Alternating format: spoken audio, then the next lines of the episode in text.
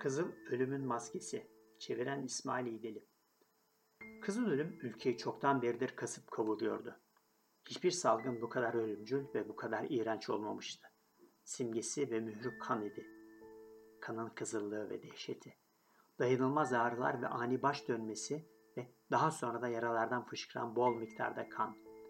Kurbanın vücudunda ve özellikle de yüzündeki kızıl lekeler onu dostlarının ilgisinden ve yardımından mahrum bırakan belirtilerdi. Bu hastalığa yakalanılması, ilerlemesi ve ölümle sona ermesi topu topu yarım saatlik bir işti. Fakat Prens Prospero mutlu, korkusuz ve akıllı biriydi. Ülkesinin nüfusu yarı yarıya azalınca sarayındaki şövalyeler ve leydiler arasından sağlıklı ve eğlenceli bin kadar saraylı dostunu yanına aldı ve onlarla beraber şato benzeri manastırlardan birinde karantinaya girdi. Burası prensin garip ama görkemli zevkini yansıtan geniş ve muhteşem bir yapıydı. Sağlam ve yüksek duvarlarla çevriliydi. Bu duvarlarda demir kapılar bulunuyordu. Buraya gelirlerken beraberindekiler yanlarında getirdikleri fırınlarda ağır çekiçlerin de yardımıyla demir kapıların sürgülerini açılmayacak şekilde erittiler. İçeride oluşacak bir umutsuzluk ya da ani dürtülerle oluşan bir çılgınlık durumunda içeri giriş veya çıkış mümkün değildi artık. İçeride erzak boldu. Aldıkları bu önlemlerle salgına karşı meydan okuyabileceklerdi. Dış dünya kendi başının çaresine baksındı artık. Onları düşünüp kederlenmek aptalcaydı. Prens tüm eğlence ortamını hazır etmişti. Soytarılar da vardı, şaklabanlar da. Dansçılar da vardı, müzisyenler de. Güzellik de vardı, şarap da. İçeride her şeyleri vardı ve güven içindeydiler. İçeride bulunmayan tek şey ise kızıl ölümdü. İnzivaya çekilmelerinin 5. veya 6. ayının sonuna doğru bir gün salgın dışarıda insanları kırıp geçirirken Prens Prospero bin arkadaşıyla olağanüstü görkemli bir maskeli baloda eğleniyordu. Şehvet dolu bir maskeli baloydu bu. Ama ilk önce size balonun düzenlendiği odalardan bahsedeyim. Yedi tane odadan oluşan tam bir kral dairesiydi burası. Birçok sarayda bu tür daireler uzun ve düz bir hat oluştururlar ve aralarındaki açılır kapanır kapılar açılınca büyük bir salon oluşur ve salonun azameti daha çok belli olurdu. Ancak prensin tuhaflıklara olan düşkünlüğünden beklenebileceği gibi burada durum çok farklıydı. Odalar o kadar düzensizce konumlandırılmıştı ki aynı anda birden fazla oda görünmüyordu her 20 veya 30 metrede keskin bir dönüş vardı ve her dönüş yepyeni bir etki oluşturuyordu. Sağ ve soldaki duvarların ortalarında bulunan uzun ve dar gotik pencereler odaların giriş ve çıkışlarının bulunduğu bir koridor boyunca sıralanıyordu. Bu pencereler açıldığında odanın süslemelerin hakim tonuna göre değişen renklerden oluşan vitraylardan yapılmıştı. Doğu ucundaki odada mavi renk hakimdi ve parlak mavi pencereleri bulunuyordu. İkinci odada süslemeler ve duvar halıları mordu. Burada camlar mor renkteydi. Üçüncü oda pencere kanatları da dahil olmak üzere baştan başa yeşildi. Dördüncü oda turuncu ile döşenmiş ve aydınlatılmıştı. Beşincisi beyaz, altıncısı menekşe rengindeydi. Yedinci odanın tavanından duvarlarına ve yerdeki aynı renk halıya kadar kat kat inen siyah kadife perdeleri vardı. Ancak sadece bu odada pencerelerin rengi süslemelerle uyumlu değildi. Buradaki pencereler kırmızıydı, koyu kan rengi. Bu yedi dairenin hiçbirinde tavanlarına asılı ve şuraya buraya dağılmış altın süs eşyaların bolluğuna rağmen herhangi bir lamba veya şamdan yoktu. Odaların içinde de lamba ya da mum gibi herhangi bir tür ışık kaynağı da yoktu. Ama odanın çıkışındaki koridorlarda her pencerenin karşısında ışınlarını renkli camdan yansıtan ve odayı belirgin bir şekilde aydınlatan büyük bir mangal vardı. Onların sayesinde birçok şatafatlı ve fantastik görünümler elde ediliyordu. Ancak batıdaki siyah odada kan renkli camlardan giren ışığın siyah perdelerde oluşturduğu etki çok korkutucuydu. Ve girenlerin yüzlerinde vahşi bir bakış oluşmasına neden oluyordu ki davetlilerin birçoğu hiçbir zaman o odaya ayak basma cesaretini kendinde bulamıyordu. Bu odanın batıya bakan duvarında Abonozdan yapılma heybetli bir saat vardı. Saatin sarkacı, sıkıcı, ağır ağır, monoton bir sesle ileri geri sallanırdı. Yelkovanı kadran üzerinde bir kez devresini tamamladığında saatin ciğerlerinden net, yüksek derin, son derece müzikal bir ses çıkmaya başlardı. Ama bu çok tuhaf bir sesti ve bu yelkovanın her bir turunun başında orkestranın müzisyenleri geçici olarak performanslarını duraklatırlar ve bu durumda da bas yapanlar da dururlardı. Ortamdaki tüm neşeli insanlar kısa bir endişe yaşarlardı ve saatin çanı çalmaya devam ederken en çılgınların bile solgunlaştığı ve daha yaşlı ve sakin olanların ellerini alınlarına koyarak şaşkın bir saygıyla veya meditasyondaymış gibi derin düşüncelere daldıkları gözlenirdi. Ancak saatten gelen sesler tamamen sona ermez, hafif bir kahkaha kaplardı ortalığı. Müzisyenler birbirlerine bakarlar ve sanki kendi sinirlilikleri ve çılgınlıkları ile dalga geçer gibi gülümserler ve de saatin bir sonraki çalışında kendilerinde benzer bir duygu yaratmaması gerektiğini fısıldayan yeminler ederler. Ancak 60 dakikalık bir aradan sonra bu uçup giden zamanın 3600 saniyesini oluşturur. Saatin bir sonraki çalması esnasında eskisi gibi aynı rahatsızlık ve titreme ve meditasyonu yaşarlardı. Ancak bunlara rağmen eğlenceli ve görkemli bir cümbüş yaşanmaya devam ediyordu. Prensin zevkleri pek tuhaftı.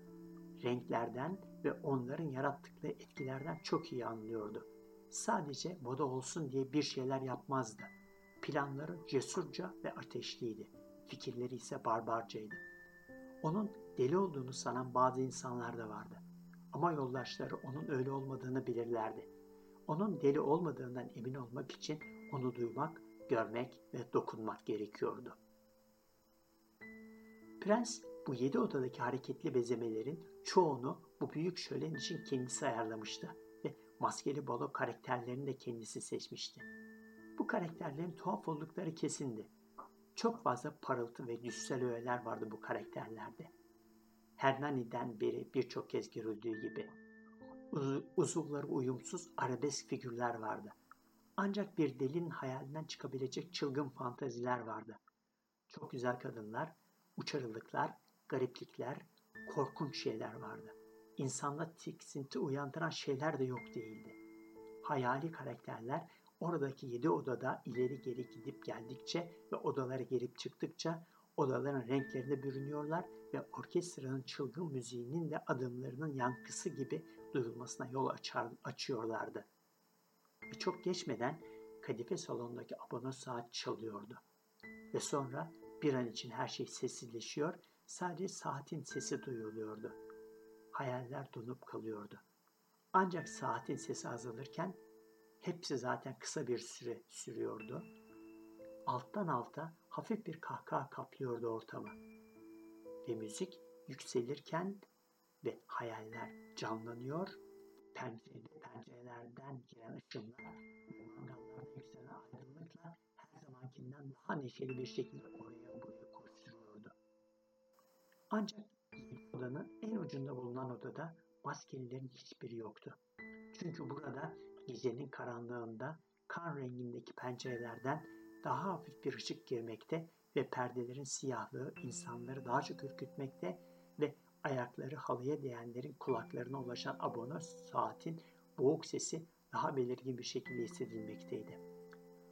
Ancak diğer odalar çok kalabalıktı ve buralarda hayatın kalbi çok canlı atmaya devam ediyordu.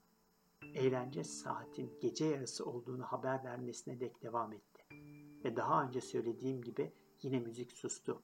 Bahsedenler durdu ve her şey daha önceleri olduğu gibi huzursuz bir şekilde kesildi. Şimdi saatin tokmağının 12 kez vurduğu duyuluyordu. Son vuruşun yankıları tamamen kesilmeden önce birileri kalabalığın içinde daha önce kimsenin farkına varmadığı maskeli bir kişinin varlığından haberdar oldu. Bu kişinin varlığının fısıltısı ve aralarında hoşnutsuzluk ve şaşkınlık yarattığı söylentisi önce hayal kırıklığı ve sürpriz ifade eden bir vızıltı ya da mırıltı şeklinde sonra da terör, korku ve iğrenme şeklinde yayılmaya başladı. Size resmetmeye başladığım bu hayaller topluluğunda sıradan bir görüntünün normalde bu kadar çok heyecan uyandırmayacağı düşünülebilir. Aslında bu gecede herhangi bir maske kullanımı sınırlaması yoktu. Ancak söz konusu kişi her türlü tahammül sınırını aşmış, Herod'un yaptıklarının ötesine geçmiş, hatta prensin bile kabul sınırlarını zorlamıştı. En pervasız insanların bile kalbinde duygu tellerini titreten durumlar vardır. Yaşam ve ölümün eşit derece espri dolu olduğuna inanan, tamamen duygularını kaybetmeyen insanlar için bile bu şekilde bir şakanın yapılamayacağı anlar vardır. Gerçekten de balodaki herkes bu yabancıya ait kostümün ve gösterdiği tavrın ortama hiç de uygun olmadığını hissediyordu. Adam uzun boylu ve gösterişliydi ve de baştan ayağa kefene bürünmüştü. Yüz hatlarını gizleyen maskesiyle neredeyse katılaşmış bir cesede benzeyecek şekilde giyinmişti. Yakından bakıldığında bile gerçek olmadığını anlamak çok zordu. Yine de tüm bunlar onaylamasalar bile etrafta çılgınca eğlenenler tarafından katlanabilir, bulunabilirdi. Ancak bu kişi kızıl ölümün kılığına girecek kadar ileri gitmişti. Üstü başı kan içindeydi ve yüz hatlarının tümü geniş alnı kıpkızıl bir dehşet içeriyordu. Prens Prospero'nun gözleri rolünü daha ciddiyetle oynamak istermişçesine vas yapanlar arasında yavaş yavaş da dolaşan ruhsal varlığa takılır takılmaz önce sarsıldığı, sonra da korku ve hoşnutsuzlukla titrediği, daha sonra da kaşlarının öfkeyle kalktığı görülmüştü. Yanında duranlara bizi küfür alaycılığıyla hakaret etmeye cüret eden de kim diye sordu kısık bir sesle. Yakalayıp maskesini çıkarın da güneş doğarken surlara kimin asılması gerektiğini bilelim.'' Bu sözleri söylerken Prens Prespero Doğu Odası da denilen mavi odadaydı. Doğu cesur ve güçlü bir adam olduğundan ve de müzik elini sallamasıyla sonlanmış olduğundan sesi yedi odada net bir şekilde yankılandı. Prens mahiyetiyle birlikte mavi odadaydı. Konuşmaya başladığı ilk anda bu gruptan bazıları o anda yakınlarında bulunan prense doğru gelen bu davetsiz misafire doğru yürümeye başladılar. Ancak maskeli yabancı partiye ancak maskeli yabancı partiye katılanlar üzerinde tarif edilemez bir korku oluşturduğundan onu yakalayan hiç kimse olmadı. Maskeli yabancı hiçbir engelle karşılaşmadan kalabalığın arasından geçti. İnsanlar bir dürtüyle odaların merkezlerinden duvarlarına doğru gerilerken o prensin bir iki metre yakından rahatça geçerek yolunu kesintisiz bir şekilde yürüdü.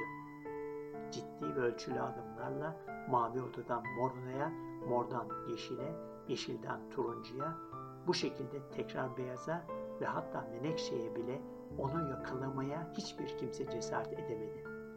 Ancak o zaman öfke ve bir anlık korkaklığının utancıyla çıldırmış olan Prens Prospera altı odanın da içinden koşa koşa geçerken adamlarından hiçbiri üzerlerine çöken ölümcül bir korku nedeniyle onu takip etmedi.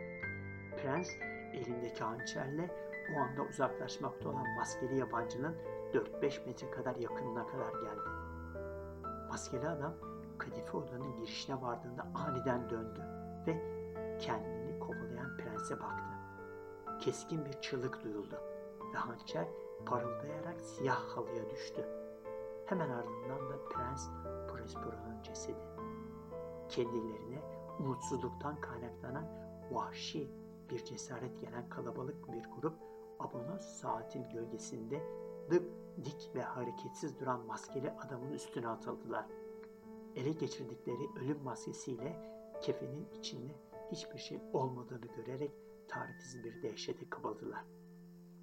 Artık kızıl ölümün varlığı kabul edilmişti geceliğin hırsız gibi sızmıştı aralarına. Eğlence içinde coşanlar eğlendikleri kanlı odalarda teker teker yıkıldılar ve düştükleri yerde can verdiler. En son ölenle birlikte Abonos saatinde ömrü sona erdi. Mangallardaki alevler de söndü. Artık karanlık, çürüme ve kızıl ölüm her şeye egemendi.